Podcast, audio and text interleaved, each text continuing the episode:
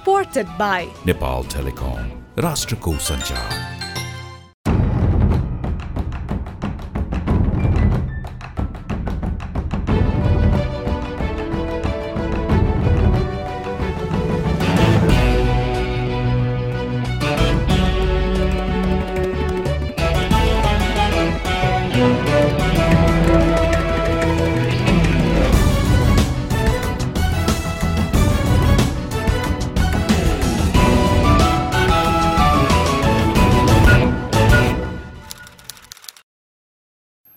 आदरणीय दर्शक तथा श्रोतावृन्द नमस्कार। कार्यक्रम टफ टकमा म दिलभूषण पाठक तपाईँ लगायत मेरा सबै सबै दर्शक तथा श्रोतालाई स्वागत गर्दछु। हिमालय टेलिभिजनमा हरेक बिहिबार साँझ नौ बजे प्रसारण हुने यो कार्यक्रम तपाईँ टफ टकको आफ्नो युट्युब च्यानलमा। टफ टक प्रस्तुतकर्ता इन्टरफेस नेपालको web page interface Nepal dot com र हाम्रो पात्रो एपमा हेर्न तथा आइओएस चलाउने श्रोताहरूले आइट्युन्स र एन्ड्रोइड चलाउने श्रोताहरूले नेपाली पडकास्टमा पनि टफ टक सुन्न सक्नुहुनेछ। यो साता प्रतिनिधि सभा प्रदेश सभा र स्थानीय तहका बाहन्न स्थानका लागि भएको उपनिर्वाचनमा प्रमुख दलहरू नेकपा र नेपाली काङ्ग्रेसका केही सिट हेरफेर भएका छन्। समग्रमा दुई वर्ष अघिकै जस्तो मत आए पनि सत्तारूढ नेकपाले भक्तपुरको प्रदेश सभाको एउटा सिट र वर्षौँदेखि जित्दै आएको धरान उपमहानगरपालिकाको नेतृत्व गुमाएको छ। दुई महत्त्वपूर्ण स्थानको पराजयले नेकपा केही रक्षात्मक बनेको छ भने काङ्ग्रेसले यसलाई सरकार विरुद्ध जनता रुष्ट भइरहेको प्रारम्भिक सङ्केतको रूपमा व्याख्या गरेको छ। बाहन्न मध्ये तिस सिटमा नेकपा र तेह्र सिटमा कङ्ग्रेस र बाँकी अन्य दल र स्वतन्त्रले जितेका छन्। अब लागौँ आजको विषयतर्फ। यसै साता सुरु भएको तेह्रौँ दक्षिण एसियाली खेलकुद सागमा नेपाली खेलाडीहरूले ऐतिहासिक कीर्तिमान बनाइरहेका छन्। औपचारिक रूपमा खेल सुरु भएको पहिलो दिनमै करातेका मण्डे काजी श्रेष्ठ र तेकन्दुकी आयसा साक्यले एकै दिन दुई दुई स्वर्ण पदक दिलाएपछि खेलमा झन रौनकता थपिएको छ। धावक राजेन्द्र भण्डारीले सन् दुई हजार छको दसौँ सागमा पाँच हजार मिटर र स्पेसल चेजमा स्वर्ण जित्नुभएको थियो तर डोपिङ परीक्षणमा असफल भएपछि भण्डारीका दुवै स्वर्ण खोसिएका थिए। त्यस अघि र पछि पनि कुनै नेपाली खेलाडीले एकै सागमा दुई स्वर्ण जित्न सकेका थिएनन्। त्यसैले मण्डेकाजी र आयसाले पाएका स्वर्ण पदक साग खेलकुदको पछिल्लो संस्करणका ऐतिहासिक उपलब्धि हुन्। करातेको व्यक्तिगत काता र टिम कातामा पाएको दुई स्वर्णसँगै मण्डेकाजीको सागमा यो पहिलो सफलता हो।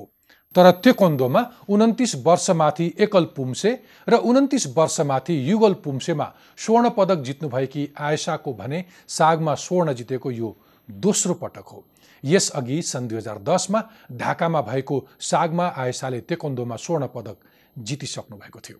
खेलकुद क्षेत्रमा न्यूनतम लगानी पूर्वाधारको अभाव प्रशिक्षणको खडेरीका बावजुद पनि नेपाली खेलाडीहरूले अन्तर्राष्ट्रिय स्पर्धामा नेपालको नाम चम्काइरहेका छन्।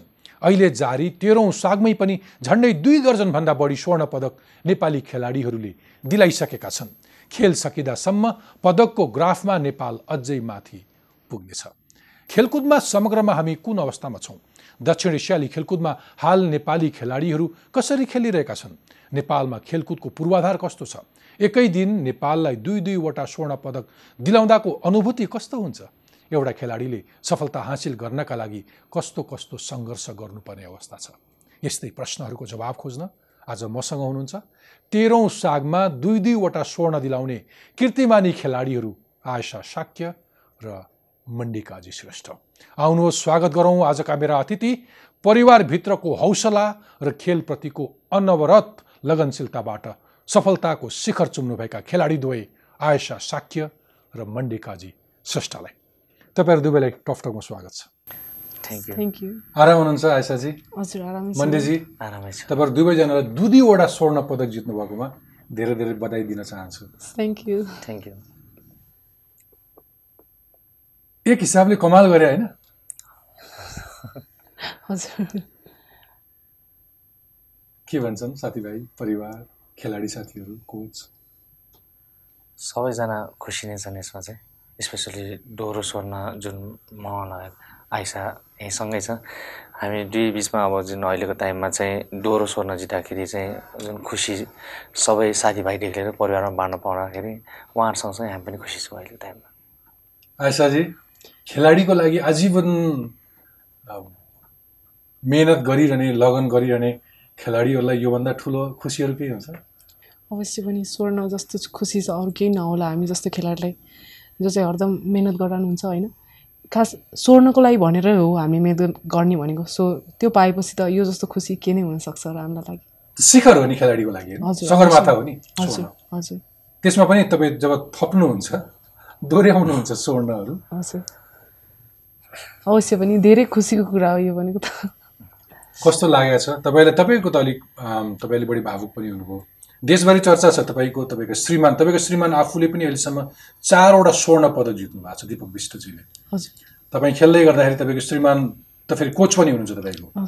तपाईँ छोरालाई पनि त्यहीँ लिएर जानुभएको थियो। तपाईँ दुईवटा बच्चाको आमा पनि हुनुहुन्छ। कुनै सिनेमामा पनि कसैको कमब्याकमा पनि यस्तो सफलता कमै हुन्छ होला। दुईवटा बच्चा जन्माउनु भएको छ। कति वर्षको अन्तराल तपाईँले खेल्न सुरु गर्नुभएको कति वर्ष भयो? म आठ वर्ष हुँदादेखि खेल्न सुरु गरेको टाइकोन्डो चाहिँ स्टार्ट गरेको मैले। सो धेरै भइसक्यो लगभग टु डिकेट्स चौबिस वर्ष चौबिस वर्ष हजुर। तपाईँले त्यो खेलिसक्दा सक्दै तपाईँले त स्वर्ण पदक पाउँदा पाउँदै तपाईँ अलिक भावुक हुनुभएको थियो। हजुर। किन त्यस्तो भाव विभोर हुनुभयो? के सम्झिनुभयो? श्रीमान त्यही हुनुहुन्थ्यो छोरा। एकदम यो प्रयास चाहिँ धेरै लामो थियो होइन यो भनौँ न यात्रा मेरो यो स्वर्णको यात्रा धेरै लामो थियो। दुई हजार सोह्रमा जब मैले मेरो बाह्रौँ सागमा तेस्रो साग मेरो लागि बाह्र सागमा चाहिँ मैले स्वर्णको लागि लड्दाखेरि मैले स्वर्ण चुम्न सकिनँ। मेरो रजतमै मेरो त्यो यात्रा सीमित रह्यो। र त्यसपछि मैले आफ्नो फ्रस्ट्रेटेड भइसकेको थिएँ कि मेरो हाइट र वेटले गरेर मैले जितिरहेको गेम हारेको थिएँ।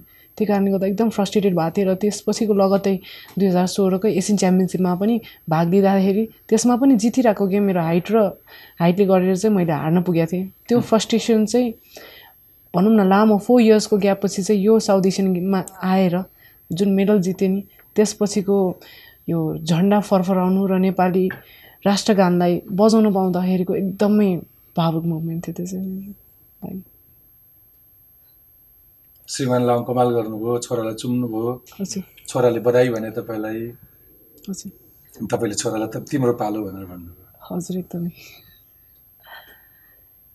अब उसकै पालो उसले पनि सुरु गरिसकेको छ उसले भनेछ मामु म पनि टाइकोन्डो खेल्छु है भनेर उसले पनि टाइकोन्डो सुरु गरिसकेको छ सो मैले अब बाबु तिम्रो पाली पनि आउँछ है भनेर भनेछु। कति वर्षका छन् दुईवटा छोरा? मेरो ठुलो छोरा छ वर्षको र सानो छोरा चाहिँ दुई वर्ष छब्बिस महिना पुगेको छ अहिले। तपाईँले आठ वर्षमा खेल्नु भएको छ छोरालाई अब छ वर्षदेखि सिकाउँदै हजुर एकदमै। तपाईँले यसअघि चाहिँ दुई हजार छमा कोलम्बोमा भएको श्रीलङ्काको कोलम्बोमा भएकोमा सिल्भर मात्रै प्राप्त गर्नुभएको थियो। हजुर। र ढाकामा टु थाउजन्ड टेनमा भएको सागमा तपाईँले त्यहाँ पनि छोड्न पाउनु भएको हजुर त्यसमा सोध्नु भयो।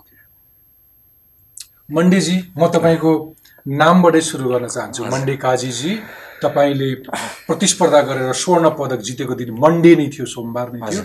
तपाईँको नाम पनि मन्डे तपाईँका धेरै शुभचिन्तकहरूले चाहिँ मन्डेको दिन त मन्डेकै दिन थियो। होइन मन्डे काजीको दिन थियो मन्डे परेकोले र स्वर्ण पदक जित्नुभयो भनेर भने। तपाईँको नाम चाहिँ सोमबार जन्मिनु भएको कारणले तपाईँको नाम मन्डे राखियो? हजुर। म सोमबार जन्मेको कारणले चाहिँ ड्याडी चाहिँ मन्डे राख्नुभयो। र आमाले म बुवाले? हजुर ड्याडीले।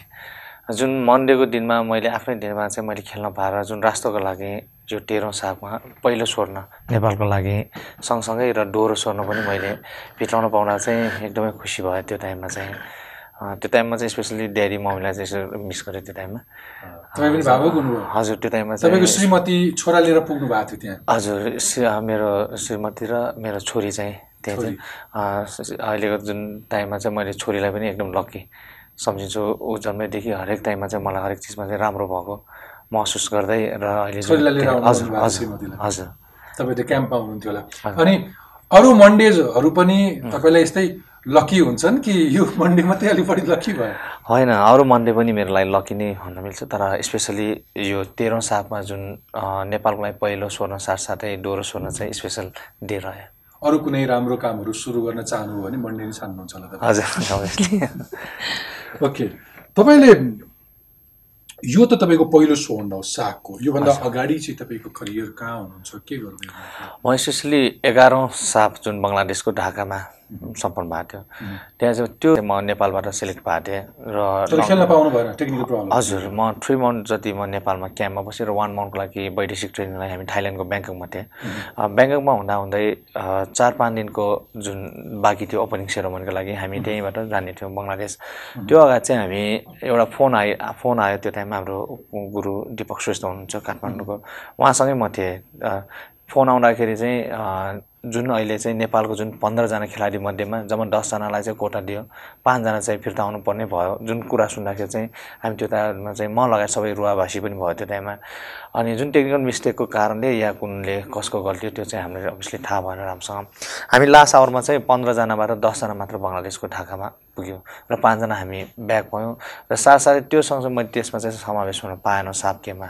त्यो लगतै हामी म फेरि कहिले पनि हरेस नखाइकन म लिएरै होइन म यस्तो घटनाको पनि सापमा चाहिँ म स्वर्ण पदक दिलाएरै छाड्छु राष्ट्रको लागि भनेर। निरन्तर प्रयासमा म अगाडि बढ्दै जाँदा जाँदै फेरि टुक्कर चेन भनेको बाह्रौँ साप रह्यो। बाह्रौँ साप त गेम त भयो इन्डियामा। तर हाम्रो करा कराटे चाहिँ समावेश हुन सकेन त्यो टाइममा। विभिन्न कारणले गर्दाखेरि। हजुर। आयसाजी तपाईँले चाहिँ अघि मैले भने दुई हजार छको श्रीलङ्काको साग र दुई हजार सोह्रको भारतको सागमा तपाईँले स्वर्ण त जित्नु सक्नु भएन तर रजत चाहिँ दिलाउनु भयो होइन? एउटा खेलाडी जित्दाखेरि त्यो मेडल यसरी टोक्छन् नि अथवा आफ्ना प्रशिक्षकलाई दौडेर गएर अँगालो मार्छन् अथवा अरू आफू जस्तै साथीहरूलाई अँगालो मार्छन् राष्ट्रिय झन्डा फरफराउनुहुन्छ त्यो उत्साह एउटा पार्टमा छ। तर हार्दाखेरि पनि एउटा खेलाडी विचलित नहुने गुण हुन्छ होइन तपाईँहरूसँग? त्यो बेलामा चाहिँ कसरी सम्हालिनुहुन्छ? त्यो बेलामा मन कसरी सम्हालिन्छ? अक्सर खेल त जित्नकै लागि खेलिन्छ नि। त्यति बेला कस्तो के गुज्रिन्थ्यो मनमा जुन बेला तपाईँले स्वर्ण जित्न सक्नुभयो? चाहना त एकदमै थियो तपाईँको हजुर। होइन मन त एकछिनको लागि विचलित त हुन्छ नै। किनभने जुन लक्ष्य लिएर हामी अगाडि बढेको हुन्छ त्यो लक्ष्यमा पुग्न नसकेपछि मन विचलित हुनु भावुक हुनु त्यो स्वाभाविकै हो होइन? म अहिलेसम्म खेल्दाखेरि मैले दुईवटा सागमा मैले रजत पद- पदक जित्दाखेरि मन एकदमै रोएको थियो। जुन आशा लिएर जुन भरोसा लिएर जुन मेहनत गरेर म अगाडि बढेको थिएँ त्यसमा नपुग्दाखेरि मन एकदम रोयो धेरै रोयो मैले गर्न सकिनँ। अब मेरो लाइफै सक्यो कि के हो जस्तो पनि भएको थियो त्यो टाइममा होइन? तर जब गुरुहरूले चाहिँ भनौँ न सल्लाह गर्नुहुन्छ इन्करेज गर्नुहुन्छ त्यतिखेर चाहिँ कस्तो लाग्छ भने होइन यो त खेल्यो खेल्यो अब आइन्दा चाहिँ अब म अह हार्न चाहिँ सक चाहन्न। म जित्छु भन्ने चाहिँ प्रोत्साहन दिनुहुन्छ गुरुहरूले नै। त्यो कारणले गर्दा होला हामी अगाडि अझै बढ्न सक्छौँ। हारपछि जित आउँछ नै अवश्य पनि। त्यही सोचेर चाहिँ हामी चाहिँ भावुक भए पनि विचलित भए पनि चाहिँ अगाडि चाहिँ बढ्नुपर्छ जस्तो लाग्छ। एउटा कुराले तपाईँ लकी हो कि तपाईँसँग घरमै गुरु हुनुहुन्छ? अथवा तपाईँले जसलाई बिहा गर्नु हो होइन? दिपक विष्टजी उहाँ आफै गुरु हुनुहुन्छ। जसले तपाईँको चारवटा स्वर्ण जित्नु भएको छ। उन्नाइस सय उनान्सयदेखि दुई हजार दससम्म सागको लगातार चारवटा गोल्ड मेडल जित्ने खेलाडी होइन? तपाईँहरू पछिल्लो पटक सँगै मुलुकलाई दुईवटा गोल्ड दिलाउने हुनुहुन्थ्यो। त्यो जितिसकेपछि तपाईँहरू बिहा गर्नुभयो। दुईवटा बच्चा छन्। अक्सर खेलाडीहरूलाई चाहिँ घर व्यवहारमा लाग्यो भने त्यसको खेल अलिकति विचलित हुन्छ। छोराछोरी जन्माउन थाल्यो भने अक्सर महिला खेलाडीलाई त कमब्याक झन् गाह्रो हुन्छ भन्ने टिप्पणी भइरहँदाखेरि तपाईँको यो सफलता छ नि। त्यो गुरु घरमा हुँदाखेरिको फाइदा हो। जतिखेर पुस गरिरहनु हुन्थ्यो कि के थियो राज? हजुर अवश्य पनि उहाँ पनि हो र फ्यामिली पनि हो। किनभने उहाँले चाहिँ फ्यामिलीमा इन्भाइरोमेन्टै त्यस्तो बनाइसक्नु भएको थियो।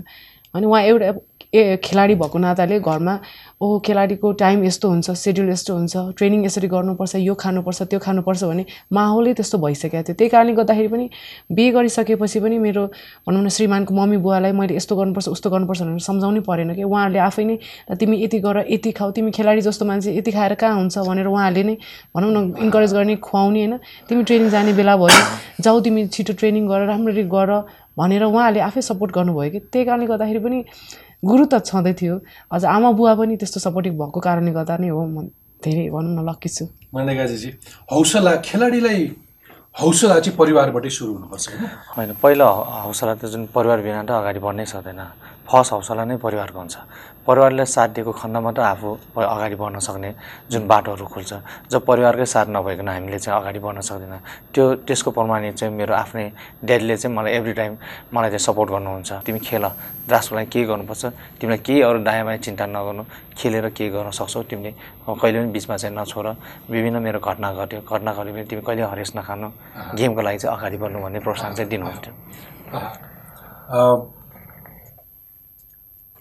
अक्सर म परिवार जोड्ने गर्छु कुनै पनि खेलाडी मेरो टफ टकको सिटमा बसेर कुनै अन्तर्वार्ता गर्दाखेरि। अघिल्लो पटक पारस खड्गाजीले त्यसरी नै कथा सुनाउनु तर सबैसँग त्यो बुझ्ने परिवार नहुन सक्छ अथवा सबै परिवारको आफ्ना सन्तानहरू प्रतिको चाहना अथवा अपेक्षा फरक फरक हुन सक्छ। तपाईँले चाहिँ करिब करिब बिस वर्षपछि पुरुष टोलीको कातामा सफलता दिलाउनु तपाईँको। भिडियो हेरिरहेको थिएँ तपाईँले काता खेल्दाखेरि तपाईँको हातको मुभमेन्टहरू यस्तो थियो कि त्यसको त्यो फोर्स त्यसको एनर्जी के भन्नुहुन्छ तपाईँको टेक्निकल ल्याङ्ग्वेजमा तर विचित्र थियो कल्पनै गर्न नसक्ने एनर्जी फिल हुन्थ्यो स्ट्रेन्थ फिल हुन्थ्यो।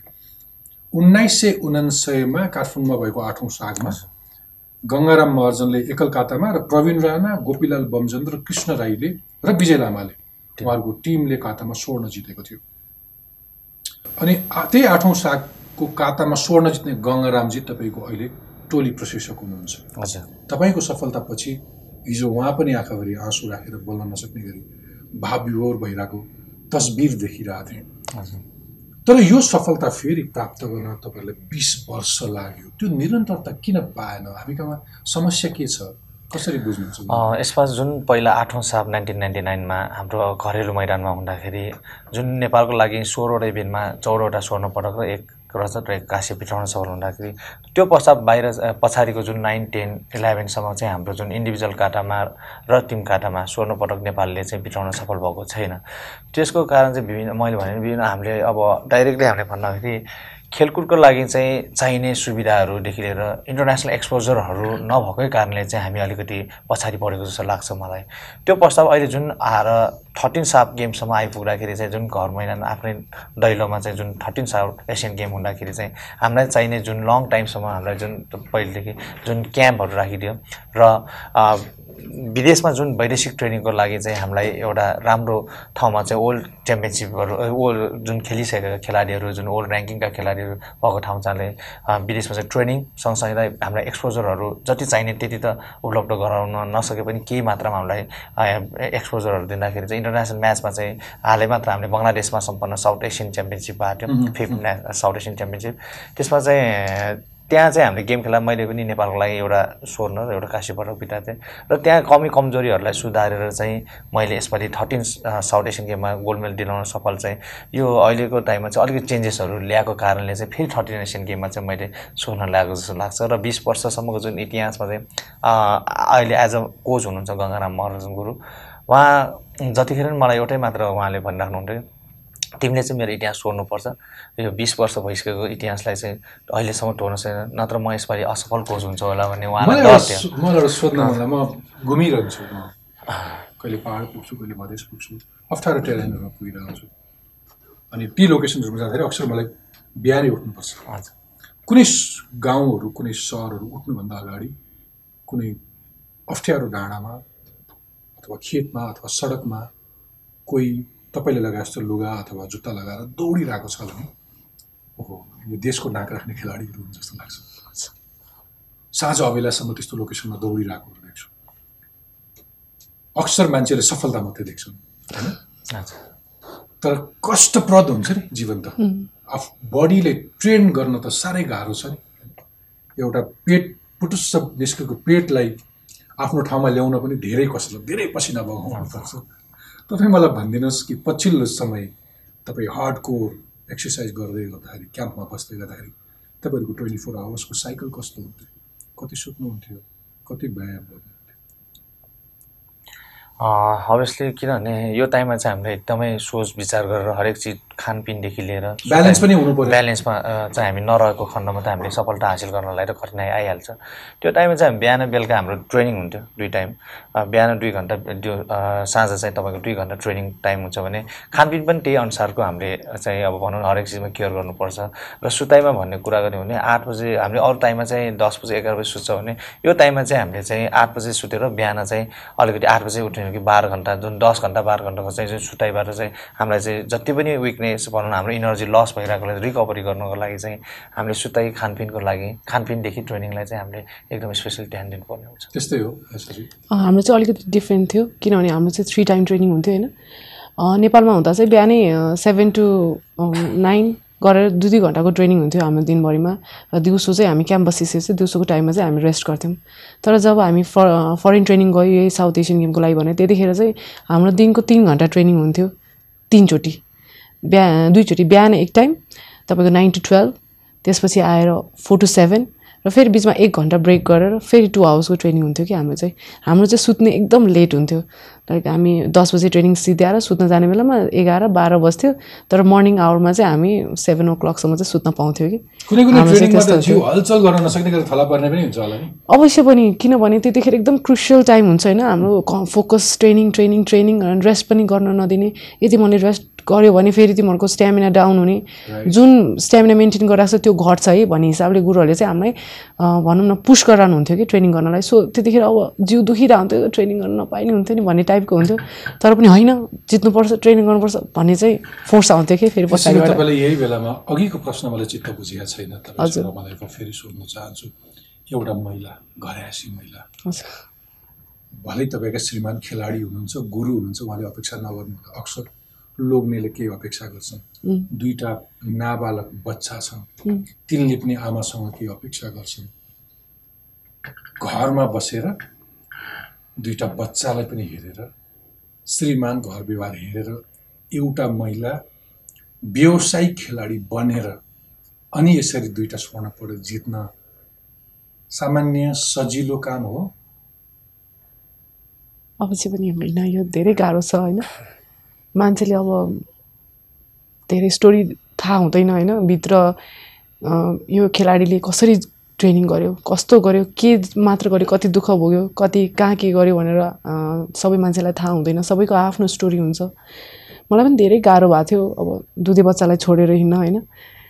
अनि दुई दुईजना बच्चा एकजनाको पढाइ हेर एकजनाको सबै हेर एकजना बच्चा घरमै दुध खाने बच्चा सुत्नलाई पनि दुध चाहिने खेल्दा पनि दुध चाहिने जे गर्दा पनि दुध चाहिने होइन खाना नखाइकन दुध मात्र खाने बच्चा छोड्न धेरै गाह्रो थियो धेरै कठिनाइ थियो। तर पनि मनमा चाहिँ अझै पनि देशलाई केही गर्ने देशको झन्डा फहराउने किन मेरो दु दुई हजार सोह्रमा अधुरै थियो त्यो सपना पुरा गर्न पाएको थिएन होइन। त्यसले गर्दा धेरै गाह्रो भएको थियो यो यात्रा सफल बनाउनलाई चाहिँ। मैले भने नि फरेन ट्रेनिङ थियो वै वैदेशिक ट्रेनिङ जाँदा मलेसियामा जुन ट्रेनिङ गरेँ मलाई रात रातभर निन्द्रै लाग्दैन थियो कि त्यो बच्चाले सताउँथ्यो कि के गरेर होला कसो गरेर होला सुत्यो सुतेन खायो खाएन अनि बिरामी पो छ कि होइन? अब भेट्यो भने ऊ त सम्झेर रोएर बिरामी पर्ने कि सानो बच्चा चाहिँ। सो एकदम छटपट्टि हुन्थ्यो। त्यत्रो ट्रेनिङ गरेर हुन्थ्यो तर निन्द्रै लाग्दैन थियो कि मलाई त रात रातिभर। दस बजे ट्रेनिङ सिधाएर आउँथेँ नुहाइधुवाइ गऱ्यो लुगा सुगा सुकाएपछि म सुत्ने बेलामा लगभग तिन चार बज्थ्यो। निन्द्रा। नर्मल काम गर्ने हामीलाई नै चाहिन्छ। हजुर एकदमै। खेलाडीलाई त प्रपर स्लिप त मस्ट हो। हजुर एकदम मस्ट हो तर मलाई निन्द्रै लाग्दैन थियो थ्री फोर बिहानको तिन चार बजेसम्म पनि त्यो मोबाइल हेरेर टाइम हेर्थेँ कि। ला कति बज्यो? सुत्नुपर्ने रिल्याक्स गर्नुपर्ने रेस्ट गर्नुपर्ने भन्ने हुन्थ्यो तर निन्द्रै लाग्दैन। थियो त्यो छटपट्टि हुन्छ नि। अनि घरबाट भिडियो पठाइदिए पनि हुन्थ्यो बच्चाको एकचोटि फोटो पठाइदिए पनि हुन्थ्यो। खायो टिचरलाई म फोन गर्थेँ टिचर प्लिज भिडियो पठाइदिनु न मलाई उसले खाएको उसले गरेको एक्टिभिटिजहरूको मलाई फोटो पठाइदिनु न भनेर भन्थेँ होइन। एकदम पीडा हुँदो रहेछ कि एउटा आमालाई चाहिँ। त्यो चाहिँ मैले आमा बनेर थाहा पाएँ। जब म खेलाडी मात्र थिएँ एउटा छोरी मात्र थिएँ होइन त्यतिखेर थाहा थिएन यो पीडा। तपाईँले उत्सव मनाउने सुख बाँड्न मजा आउँछ धेरैले। हजुर। सहभागिता पनि जनाउँछन् तर दुःख बाँड्ने बेलामा त्यो दुःखको कुरा कतिलाई सेयरै गरिँदैन। त्यो भएर पनि मलाई यो सोध्न मन लागेको चाहिँ तपाईँले त्यो दुईवटा स्वर्ण पदक जित्दै गर्दाखेरि जुन हर्षको आँसु आयो तपाईँले श्रीमान र छोराछोरीलाई अङ्कमान भाग्दै गर्दाखेरि खुसीले जुन आँसु बग्यो नि दुःखले त्यस्तो आँसु धेरै रात बगेको छ त्यही भन्दै हजुर। एकदम एकदमै। एकदम जस लास्टमा जुन स्वर्ण पाएँ त्यो भनौँ न क्याम्पमा बस्दाखेरिको सबै दुःख सबै चोटपटक सब मनमा लागेको घाउ चाहिँ बगेर पठाइदिएँ जस्तो लागिरहेको छ। मलाई त्यो भावुक भएर रुँदाखेरि जब गोल्ड मेडल आउँदाखेरि चाहिँ। तर एउटा सुन्दर सन्देश पनि दिनुभयो होइन तपाईँले यो पटक विजयी हुँदै गर्दाखेरि एउटा महिला चाहिँ मजबुत हुन्छ एउटा शक्तिशाली हुन्छ चट्टान जस्तो बलियो पनि हुन्छ भन्ने सन्देश चाहिँ दिनुभयो। अक्सर समाजले कमजोर ठानिरहेको कमजोरको रूपमा बुझिरहेको एउटा महिला चाहिँ यति यति बलियो पनि हुन्छ भन्ने सन्देश त दिनुभयो नि होइन देशभरि संसारभरि? आज लाग्दैछ दिएको छु जस्तो लाग्दैछ। आज आएर जुन मनमा थियो होइन म सक्छु भन्ने गर्न सक्ने मैले देखाउन सकेको थिएन होइन? भन् सबैले भन्नुहुन्थ्यो एउटा आमा भएपछि कमजोर हुन्छ होइन? शरीर शारीरिक स्ट्रेन्थहरू घटेर जान्छ तिमीले गर्न सक्दैनौ भन्ने थियो। तर मनमा चाहिँ अठुट थियो गर्छु भनेर। जुन यात्रा सफल पनि भयो त्यो कारणले गर्दा सायद म धेरैलाई मैले प्रुभ गरेँ कि जस्तो लाग्दैछ उदाहरण दिएँ कि जस्तो लाग्दैछ आज आएर। सम्भवतः तपाईँलाई योभन्दा अगाडि तपाईँका गुरुहरूसँग दृष्टान्त पनि थिएन होला कि दुईवटा बच्चाको आमाले पनि गोल्ड मेडल ल्याउन सक्छ तिमी मेहनत गर भन्ने दृष्टान्त इक्जाम्पल थिएन होला। तर तपाईँले अब इक्जाम्पल बनाइदिनु अब गुरुहरूलाई? आह्वान पनि गर्नुभयो होइन गुरुले चाहिँ मलाई गुरुमा गुरुहरूमाथि चाहिँ मैले गरोस् नगरोस् उहाँहरूपछि चाहिँ विश्वास थियो है तिमी मेहनत गर्छौ तिमीले सक्छौ। त्यो यात्रा सफल होला नहोला तर ट्राई गर्नु नै सबभन्दा ठुलो कुरा हो भनेर चाहिँ उहाँले मलाई जहिले पनि इन्सपायर गर्नुहुन्थ्यो कि गुरुहरूले। तिमीले त्यो यो स्टेप अगाडि बढाउनु नै त्यो तिम्रो लागि सफलता हो भनेर भन्नुहुन्थ्यो। सो त्यही कारणले गर्दाखेरि नै त्यही नै लागि त्यो नै मेरो लागि एउटा इन्करेजिङ वर्ड्स भयो कि। मेरो स्टेप चाल्नु नै मेरो लागि ठुलो कुरा भयो। मण्डेजी अरू क कसको हात हुन्छ? एउटा खेलाडीलाई हौसला प्रदान गर्न अघि तपाईँले कुरा गर्दै हुन्थ्यो कि परिवारको जसरी हात हुन्छ? कसको हात? परिवार सँगसँगै जुन मैले फर्स्ट टाइम कराटेमा स्टार्ट गर्दाखेरि जुन मलाई हात खुट्टा समातेर जुन मलाई डोजोमा चाहिँ सिकाउनु हुने पहिलो प्रमुख मेरो पहिलो कोचको हात हुन्छ? त्यो पहिलो कोच मेरो चाहिँ सजन श्रेष्ठ हुनुहुन्छ। उहाँले हात खुट्टा समातेर मलाई बेसिक लेभलदेखि मलाई जुन सिकाउनु भयो म त्यो पछाडि टेक्निकली रूपमा चाहिँ अब आफ्नो अलिकति पर्फर्मेन्सहरू हाई हुँदै गर्दाखेरि चाहिँ विभिन्न क्षेत्रमा पुगेर डोजहरू विभिन्न अब ठाउँमा ट्रेनिङ त बिस्तारै बढाउँदै लाग्दाखेरि उहाँ सँगसँगै अब सबैको साथ चाहिँ यसमा चाहिँ आफू एक्लैले चाहिँ अगाडि बढ्न गाह्रो हुन्छ। कति वर्षको उमेरदेखि सुरु गर्नुभयो मैले टेन इयर्स। Ten years. कहाँदेखि कहाँसम्म पुग्नुभयो खेल्नलाई? स्पेसली मैले पहिला नै स्टार्टिङ नयाँ थिमी म जुन जन्मस्थल मणिपुर थिमी म त्यहाँबाट स्टार्ट डोजो एउटा सानो डोजोबाट स्टार्ट गरेँ। त्यहाँबाट स्टार्ट गरेर मैले बिस्तारै जिल्लाव्यापी क्षेत्रहरू राष्ट्रिय गेम खेल्दै मैले इन्टरनेसनल म्याचहरूमा धेरैमा समावेश हुँदै अहिले जुन यो तेह्रौँ सापसम्म चाहिँ अहिले पुग्न सफल भयो आकर्षित कसरी हुनुभयो? कसले लोभ्यायो तपाईँलाई? मेरो चाहिँ घर जुन पसल थियो डोजो अगाडि। त्यो पसल पछाडि चाहिँ मेरो डोजो थियो। म बच्चा बेला चाहिँ जुन डोजोमा चाहिँ अब भनौँ न डोजोमा चाहिँ ढोका लगाइरहेको हुन्थ्यो। सानो पाल हुन्थ्यो त्यहाँ चाहिँ निहालेर मैले डोजो। भनेको मेरो दर्शकले बुझ्ने गरी भन्दाखेरि कराटे खेल्ने हजुर डोजो। भनेको चाहिँ हजुर, training hall. Training hall. Training हललाई चाहिँ हाम्रो जापानिज वर्डमा डोजो भनिन्छ। अनि त्यहाँ चाहिँ मैले ल्याएर मेरो ड्याडीले चाहिँ मलाई देख्नुभयो।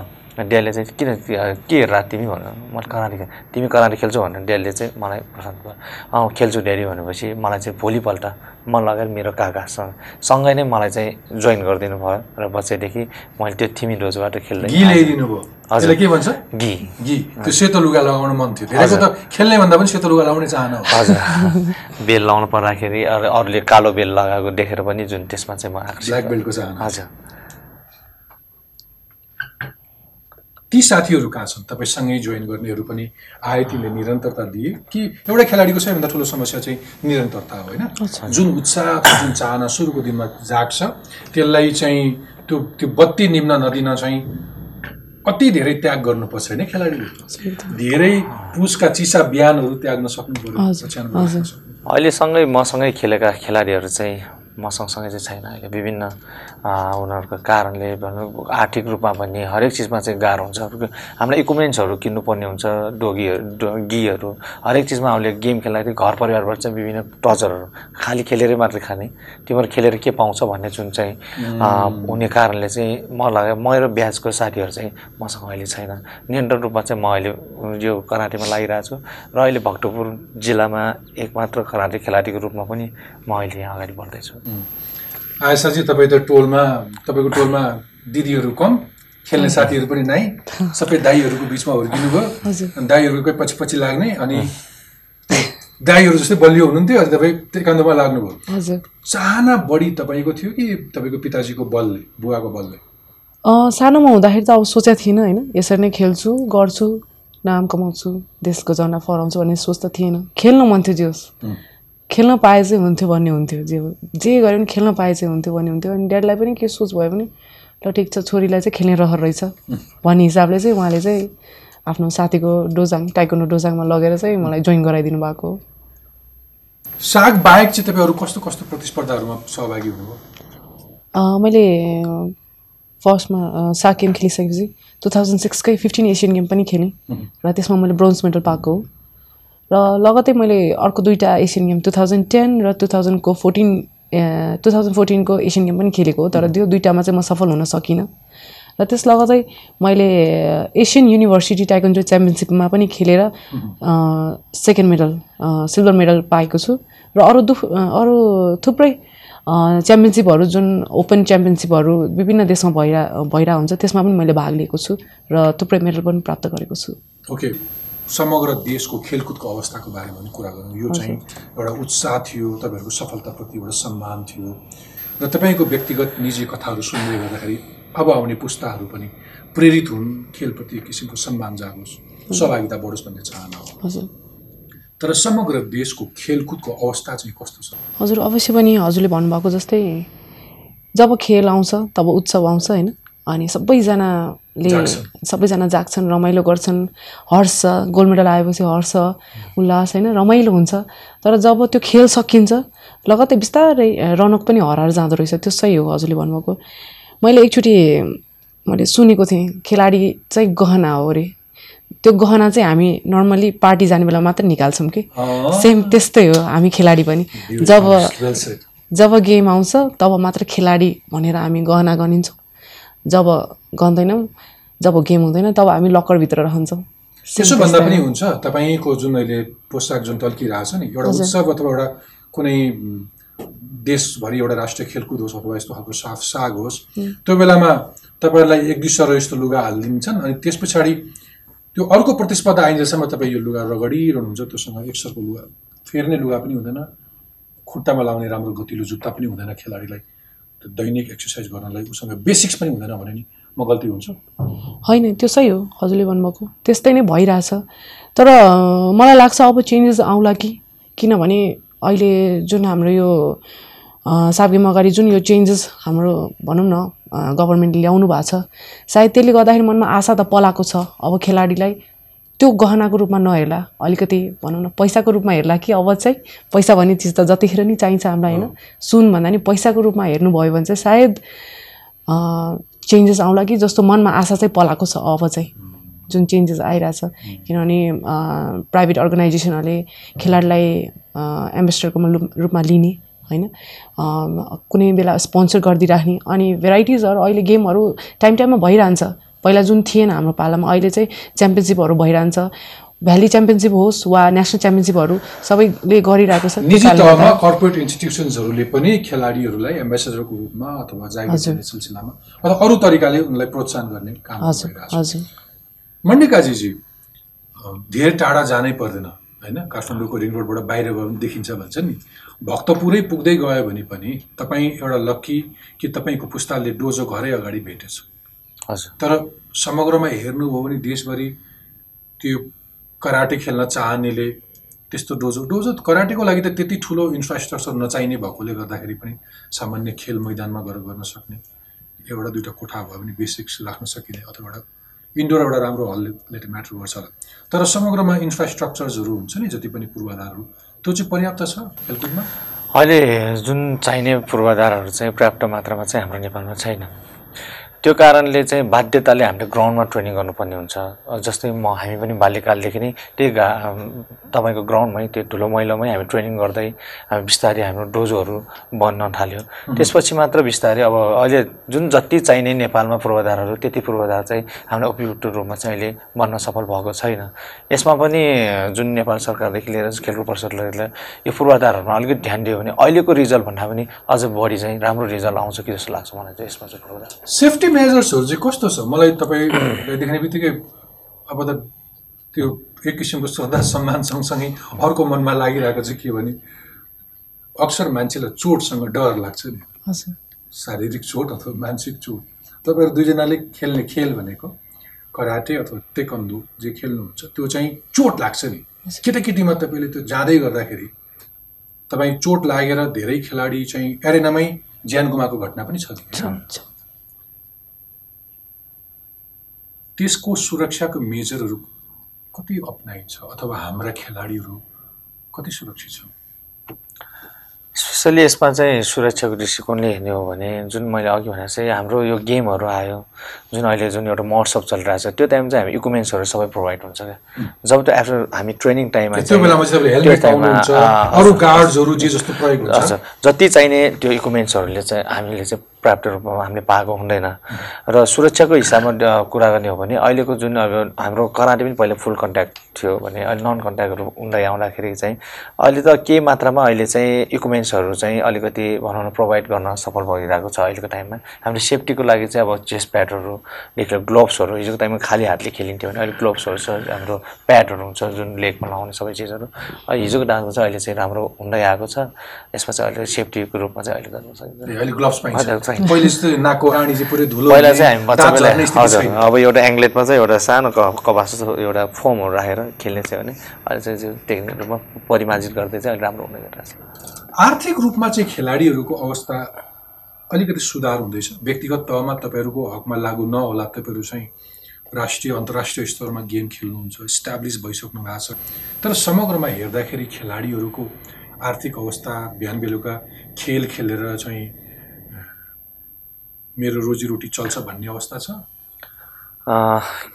खेलकुद जीवनमा त बिहान बेलुकाको रोटी खान चलाउनलाई चाहिँ जुन जीविका पार्जन गर्नलाई चाहिँ स्थिति खेलकुदमा नभएकै कारणले चाहिँ मै हुँ भन्ने खेलाडी एसियनका मेडलिस्टहरू हुन्छ सापका गोल्ड मेडलिस्ट हुन्छ विदेश जानु पर्नुको कारण नै ए सायद आर्थिक रूपमा चाहिँ खेलाडीलाई सही तरिकाले हजुर हजुर आर्थिक रूपमा पूर्ण रूपमा चाहिँ हामीलाई चाहिँ जति चाहिने फेसिलिटी दिन नसकेको कारणले चाहिँ विदेश जानु बाध्यता भइरहेको जुन खेलाडीहरू छन् त्यो अवस्था चाहिँ अबको प्राण नहोस् भन्न पनि चाहन्छौँ हामी चाहिँ।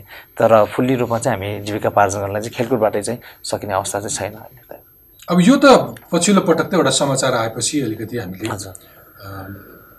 त्यसको अलिक बढी चर्चा परिचर्चा भयो। हजुर। तर समाचारमा नआएका असङ्ख्य खेलाडीहरू वैदेशिक रोजगारीका लागि गल्फ कतार गएको प्रशस्त घटनाहरू छ होइन? हजुर एकदम छ। गोल्ड मेडलिस्टहरू। धेरै छ धेरै छ। केही भन्ने अवस्था हुन्छ? तिनलाई नजाऊ भन्ने अवस्थै हुन्न तपाईँहरू मनमा त नजाओ नजाओस् जस्तो लाग्छ किनभने देशको गहना गइरहेछ होइन? बाहिर देशबाट बाहिर गइरहेछ देशले ल्याउने स्वर्ण पदक गइरहेछ। नजाओस् त भन्न मन लाग्छ तर के गर्ने हामीले उहाँको लाइफको बारेमा केही पनि थाहा छैन नि। हाम्रो लाइफ छुट्टै होला उहाँको खुट्टामा उभिएर हेर्नु पऱ्यो हामीले। उहाँको के छ आर्थिक अवस्था के छ घरमा फ्यामिली बा ब्याकग्राउन्ड के छ उहाँले गर्न सक्नु भएको छ छैन। जुन त्यो एउटा स्वर्ण पदकले एकछिन त रौनक त आयो। एकछिन त सरकारले सम्मान गर्यो अरे। त्यसपछि के त? होइन? त्यसपछि उहाँलाई लाइफ बिताउनलाई छ कि छैन जुन इकोनोमिक कन्डिसन उहाँको त्यो पनि त हामीले हेर्नु पऱ्यो। सो कहिलेकाहीँ त लाग्छ नजा न गए नि हुन्थ्यो भने तर जाँदा पनि उहाँलाई अब फाइदा हुन्छ भने हामीले त रोकेर हामीले त बाध्य बनाउनु भएन नि त उहाँलाई होइन? र मलाई चाहिँ त्यही जस्तो लाग्छ। उहाँको आफ्नै लाइफ छ नि एउटा। मनिकाजी तपाईँ अलिक भावुक हुनुभएको थियो त्यो वैदेशिक रोजगारीको कुरा गर्दा। आर्थिक अवस्थाको कुरा गर्दाखेरि घोज्छ त्यसले? त्यो टाइममा मैले भने नि हामी यो खेलकुदमा लागेर जुन हामी त स्थानीय बासिन्दाको हिसाबमा हामीले लाग्छ तर मैले कति खेलाडीहरू देख्छु क्या? अघि आइसाले भने जस्तै हामी पनि राष्ट्रको गहना चाहिँ बाहिर नजाओस् भन्ने नै चाहन्छौँ एज हामी खेलाडी भएको कारणले। हामी पनि खेल्दैछौँ। तर जुन आर्थिक स्थितिको कुरा गर्दाखेरि उनीहरूलाई एक छाक खानलाई र यो जुन काठमाडौँ उपत्यकामा बसेर उनीहरूलाई गेम खेल्नलाई नै चाहिँ त्यो स्थिति चाहिँ छैन। जुन त्यो खेलाडी भएर हामी त बुझ्छौँ नि। तर के भने त्यो स्वर्णलाई कर नगरा भनेदेखि होइन जुन एउटा भनौँ न राष्ट्रको गहना हो नि त। जब खेलुन्जेलसम्म हामी जित्छौँ वा वा हुन्छ ताली फर्काउँछ सबैले उता बोलायो उता बोलायो सम्मान गर्ने दुनियाँ हुन्छ त छिनिक्ला हुन्छ। आफ्टर गेम सबैले बाई बाई हुने भएको कारणले चाहिँ खेलाडी चाहिँ सही एउटा चाहिँ भविष्यको लागि चाहिँ सुनिश्चित ढङ्गले चाहिँ सोधिदिने हो भने खेलाडी यहाँ रहेको राम्रो किनभने राष्ट्रको गहनालाई चाहिँ हामीले बाहिर पठाउनु परिरहेको छ। एउटा तारा हो नि। चम्किलो तारा जबसम्म हुन्छ नेपालको लागि तब हामी त खुसी हुन्छौँ। जब तारा हामीले देख्न सक्दैनौँ त्यो टाइममा हामी जति दुखी त को हुन्छ? त्यो त्यो कारणले चाहिँ दुःख लाग्छ यो कुराहरू सुन्दाखेरि। कति बहिनीहरू हुन्छ भाइहरू हामी सँगै हुन्छ। दाइ के गर्ने? हाम्रो घरमा एक दाइ खानलाई पनि गाह्रो छ कोठा बाल तिर्न सक्दैन। घरहरू गाउँबाट पिठो ल्याउनुपर्छ चामल त्यो कुराहरू सुन्दाखेरि म time त्यो भाइ मै हुँ भन्ने। यो चाहिँ सिचुएसन चाहिँ नआओस् भन्ने चाहन्छु म खास निजी स्तरमा तपाईँकै व्यक्तिगत तहमा हेऱ्यो भने पनि अस्ति सोमबारको दिन मण्डे काजीले स्वर्ण जित्नुभन्दा अगाडि अघिल्लो दिन आइतबार साँझसम्म त तपाईँलाई पनि कसैले चिन्दैन। हजुर। तपाईँको ज्योति तपाईँको प्रकाश कसैलाई थाहा नै थिएन होइन? तपाईँको गुरुहरूले तपाईँलाई प्रशिक्षण दिइरहनु भएको थियो तर समग्र देशले त थाहा पाएको थिएन। अनि यो दुई चार दिन मात्रै वाहवाही हुन्छ त्यस पछाडि आफ्नो अभाव आफ्नो जीवन छँदैछ फेरि। हजुर। त्यो क्षणिकलाई चाहिँ भएकै कारणले चाहिँ खेलाडी जुन बाध्यताले पनि बाहिर जान जुन बाध्य छन् खेलाडीहरू मैले अघि पनि भनिहालेँ क्षणिकको लागि वावा होइन सधैँभरि वावा हुन पायौँ भने खेलाडीहरूको जीविकापार्जन चाहिँ हाम्रै नेपालमा किन यो तारा सधैँभरि र गहना हाम्रै नेपालमा रहिरहोस् भन्ने चाहन्छु। जब हामी जित्छौँ राष्ट्रको झन्डालाई फरफराउँछौँ अन्तर्राष्ट्रिय जगतलेदेखि लिएर हरेक एरिनामा हामी राष्ट्रको जुन राष्ट्रिय गान जब बज्छ त्यो टाइममा हामी गर्वका साथ छाती फुलाएर नेपाली नागरिक भनेर हामी जुन राष्ट्रको झन्डा फरफराएको हेर्दाखेरि हामी खुसी हुन्छौँ तर क्षणिकलाई मात्र भयो। त्यो सधैँभरि रहिरहोस् भन्ने चाहिँ चाहन्छु आयसाजी एउटा खेलाडीले त कहिले कहिले एक्स्ट्रा प्रोटिन पनि खानुपर्छ सामान्य खानापिनाले नपुगेर एक्स्ट्रा डायट खानुपर्ने हुन्छ त्यो भनेको एक्स्ट्रा प्रोटिन किनेर खानुपर्ने हुनसक्छ। एउटा गतिलो जुत्ता लाउनु पर्ने हुनसक्छ उसलाई ट्रेनिङ गर्नुको लागि। यी सबै कुराहरूको अभावमा जब एउटा खेलाडी मानसिक तनावमा गुज्रिन्छ नि त्यसले त परिणाममा पनि अर्थ राख्छ नि होइन? हजुर अवश्य पनि। किनभने जब मान्छेले मेहनत गर्छ अनि पाउने हो सायद सबै कुरा भएर उसले मेहनत गर्ने सोच्दैन जस्तो लाग्छ मलाई। मान्छेले दुःख पनि पाउनुपर्छ सुख पाउनुको लागि जस्तो लाग्छ। अब मैले खेलमा लागिसकेँ म यो पाउँछु त्यो पाउँछु भन्दा पनि मैले चाहिँ खेलेर जितेर चाहिँ अब देखाउँछु भन्नेतिर लाग्नुपर्छ जस्तो लाग्छ होइन? अभावमा अभावमा चाहिँ अभावमा मेहनत गरेको चाहिँ अवश्य पनि सफल हुन्छ जस्तो लाग्छ मलाई चाहिँ। हामीले यो जति पनि समस्याहरूको कुरा गऱ्यौँ नि त्यसमा चाहिँ मैले कहाँ लगेर जोड्न खोजेँ भने हामीले केही कुराहरू अलिक समीक्षा गर्न खोज्यौँ। अलिकति भावुक पनि भयौँ होला त्यो। जुत्ता लाउनेलाई थाहा छ कहाँ दुख्छ कहाँ घोज्छ हामी त बाहिरको रमितेहरू हौँ। तपाईँहरू जित्दाखेरि थाली बजाउने हो। तपाईँहरू एरेनामा नहुँदाखेरि र जित नजित्दै गर्दाखेरि तपाईँहरूको सङ्घर्ष हामी कतिले पत्तै पाउँदैनौँ थाहा पाउँदैन। तर यो सबै कुराहरू एड्रेस चाहिँ त्यतिखेर हुन्छ जब मुलुकमा सुशासन हुन्छ अथवा सरकारले यो कुरा बुझ्छ। नेतृत्वमा बस्नेले जब बुझ्छ खेलकुद चाहिँ त्यसको प्रगति अथवा उन्नति हुन नसकेको चाहिँ के? खेलकुदमा आम मान्छेले भने जस्तै चरम राजनीति छ। खेलकुद क्षेत्रले राम्रो गतिलो नेतृत्व पाएन त्यसो भन्यो भने म ठिक हुन्छु। त्यो पनि कता कता होला होइन? हुन हो नै। तर मलाई लाग्छ नेपालमा खेलकुद बुझेको छैन कि जस्तो लागिरहेछ। जुन भने नि गहनालाई के गति गर्नुपर्छ कति चम्काएर राख्नुपर्छ होइन? कसरी सुरक्षित राख्नुपर्छ भन्ने कुरा नीति चाहिँ नबुझेको जस्तो लाग्छ अझ पनि। गेम आउँदाखेरि मात्र चम्काउने अनि टल्काउने गऱ्यो भने चाहिँ सायद त्यो भनौँ न प्रोटेक्ट गरेन भने त्यो नाश भएर जान्छ होइन? त्यो नीति नियम चाहिँ अहिलेसम्म पनि भएको छैन। अब यो गेमले चाहिँ ल्याओस् भन्ने मेरो चाहना छ। जुन अहिले नयाँ प्रोग्रामहरू बनिरहेछ त्यो कुराले चाहिँ चेन्जेस आओस्। जुन गहना सडिरहेछ त्यो गहनालाई चम्काउने सधैँभरि चम्काउने एउटा नीति नियम आओस्। खेलाडीलाई कसरी भनौँ न देशमै राख्ने इन्सुरेन्स हुन्छ अथवा जब फेसिलिटी दिएर हुन्छ अथवा केही गरेर हुन्छ।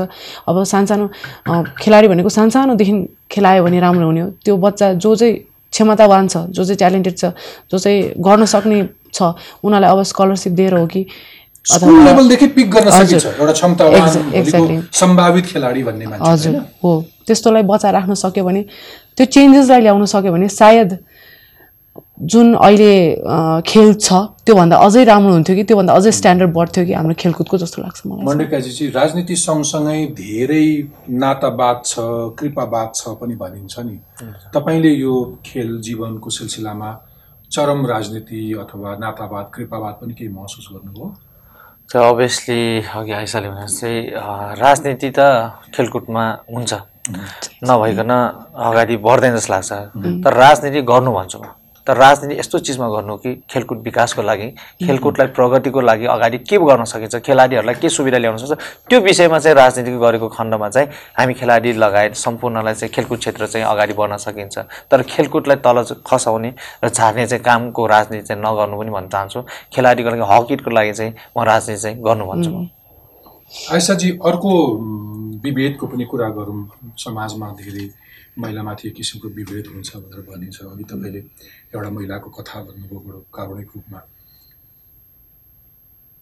एरेनामा पनि अथवा खेलकुद क्षेत्रमा पनि एउटा डोजोभित्र पनि महिला भएकै कारण थप केही विभेदहरू बिहोर्नुपर्छ खेलाडी। अवश्य पनि त्यस्तो त बेहोर्नुपर्छ किनभने हरेक मान्छे एउटै खालको हुँदैन। एउटै मन भएको एउटै विचार भएको होइन? कोही मान्छेले राम्रो सोच्छ तर कोही मान्छेको सोच राम्रो हुन सक्दैन। त्यो भोगी पनि आइरहेको हुन्छ त्यो कसैले सुनेको हुन्छ कसैले नसुनेको हुन्छ तर भे भेराइटिज अफ मान्छेले गर्दा गरेको कारणले गर्दाखेरि त्यस्तो विभेद चाहिँ आउँछ। हामीले कुनै सुनेछौँ र कुनै नसुनेछौँ। न्युजमा पनि त्यो धेरै आउँछ कुनै आउँछ कुनै आउँदैन हो। त्यो चाहिँ विभेद चाहिँ भइरहेको हुन्छ। त्यो चाहिँ खुलेर भन्न नसकेको मात्र कुरा हो। तपाईँलाई एउटा चान्स दिन्छु ल। तपाईँ खेलकुद मन्त्री हुनुभयो के गर्नुहुन्छ? भन्नुहोस्। नीतिगत तपाईँले अघि भने जस्तै खेलकुद प्राथमिकतामा पर्नुपर्छ। खेलकुदको लागि स्पष्ट विशेष नीतिहरू ल्याउनुपर्छ भनेर तपाईँ जुन आशय देखाउनु भयो नि तपाईँ खेलकुद मन्त्री हुनुभयो अथवा तपाईँलाई नीतिगत तहमा पुग्नुभयो तपाईँ के गर्नुहुन्छ? कस्तो गाह्रो गाह्रो क्वेसन सोध्नुभयो त हजुर। खेलकुद मन्त्री भयो भने त फर्स्टमा त्यही हो। म चाहिँ हरेक खेलाडी जो चाहिँ भनौँ न एउटा चरम एउटा शिखरमा पुगिसकेको मान्छेलाई बाहिर नजाओस् भन्ने नाताले। उनीहरूलाई सक्सेसफुल मान्छे किनभने। त्यो गहना हो र त्यसले बाँकीलाई ट्रेन पनि गर्न सक्छ।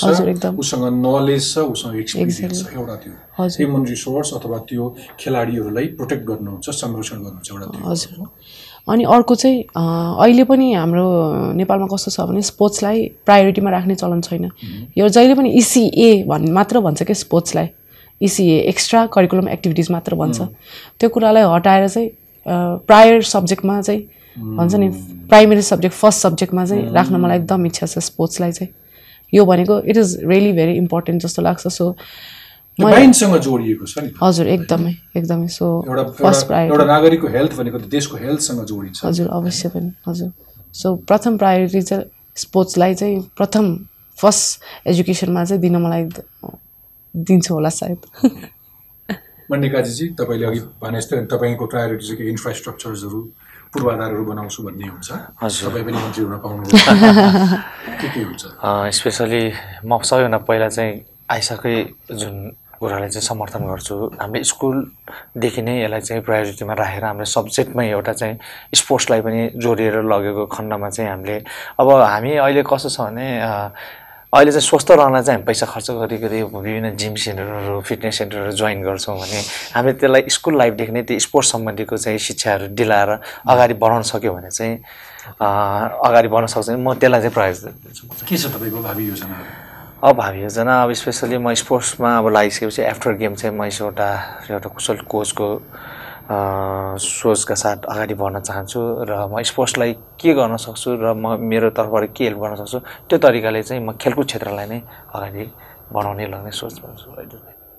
आयसाजी तपाईँहरू दुवैजना नथाक्ने खेलाडीहरू हुनुहुन्छ के के छ योजनाहरू हजुर अवश्य पनि अँ, मेरो चाहिँ गेरोकीबाट पुम्सी आइसकेपछि जुन यो नयाँ आशा पलाएको छ होइन? जुन यो गोल्ड मेडलले मलाई अझ मनमा चाहिँ केही गर्छु केही गर्न अझै इच्छा पलाएको छ। सो म अझ पनि खेल्न चाहन्छु मेरो हेल्थले दियो भने मेरो स्वास्थ्य मेरो हातखुट्टाले दियो भने म अझ पनि गर्न चाहन्छु देशको लागि अझ मेडल ल्याउन चाहन्छु। योजना त्यो पनि छ। र म जस्तै मभन्दा पनि राम्रो खेलाडी मैले जन्माउने इच्छा राखेको छु।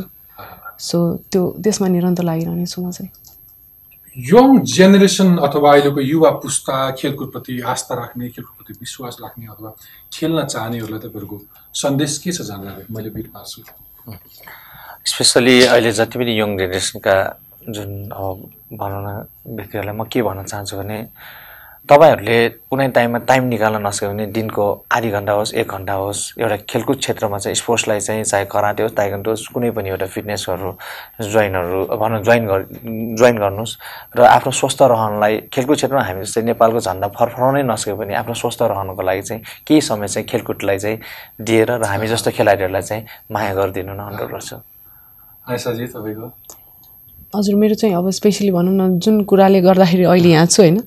त्यही विशेष गरी महिलाहरूको लागि चाहिँ स्पोर्ट्स भन्ने कुरा भनौँ न हामीले हेल्थको लागि मात्र नसोचिकन जो महिलाहरू आमा भइसकेपछि अथवा बिहे गरिसकेपछि आफ्नो करियरलाई रोकेर आफ्नो प्रोफेसनलाई रोकेर बसिरहनु भएको छ उहाँहरूलाई चाहिँ ऊर्जा दिन चाहन्छु। आफ्नो मनमा लागेको कुरा गर्नुहोस् आफ्नो पेसनमा लागे पेसन भएको चिज गर्नुहोस्। खेलाडी मात्र होइन अरू प्रोफेसनहरू पनि मनमा लागेको खुसी लाग्ने कुरा गर्नुहोस्। जसले गर्दाखेरि चाहिँ तपाईँ सफल हुनुहुनेछ। मिहिनेत गर्नुहोस् त्यसको लागि डेडिकेटेड हुनु हार्डवर्किङ हुनुहोस्। यसमा तपाईँको बिहे बच्चा र एजले म्याटर गर्दैन। तपाईँको प्यासन नै सबै कुरा हो तपाईँको हार्डवर्क नै सबै कुरा हो। अनि त्यसको साथसाथै उहाँको परिवारले पनि महिलालाई सपोर्ट गर्नुहोस् भन्न चाहन्छु। व्यस्तताका बावजुद तपाईँले तपाईँ दुवैजनाले समय दिनुभयो तपाईँको महत्त्वपूर्ण समय। र विचारका लागि धेरै धेरै धन्यवाद दिन चाहन्छु र अरू उत्तर उत्तर प्रगतिको कामना गर्छु। Thank you so much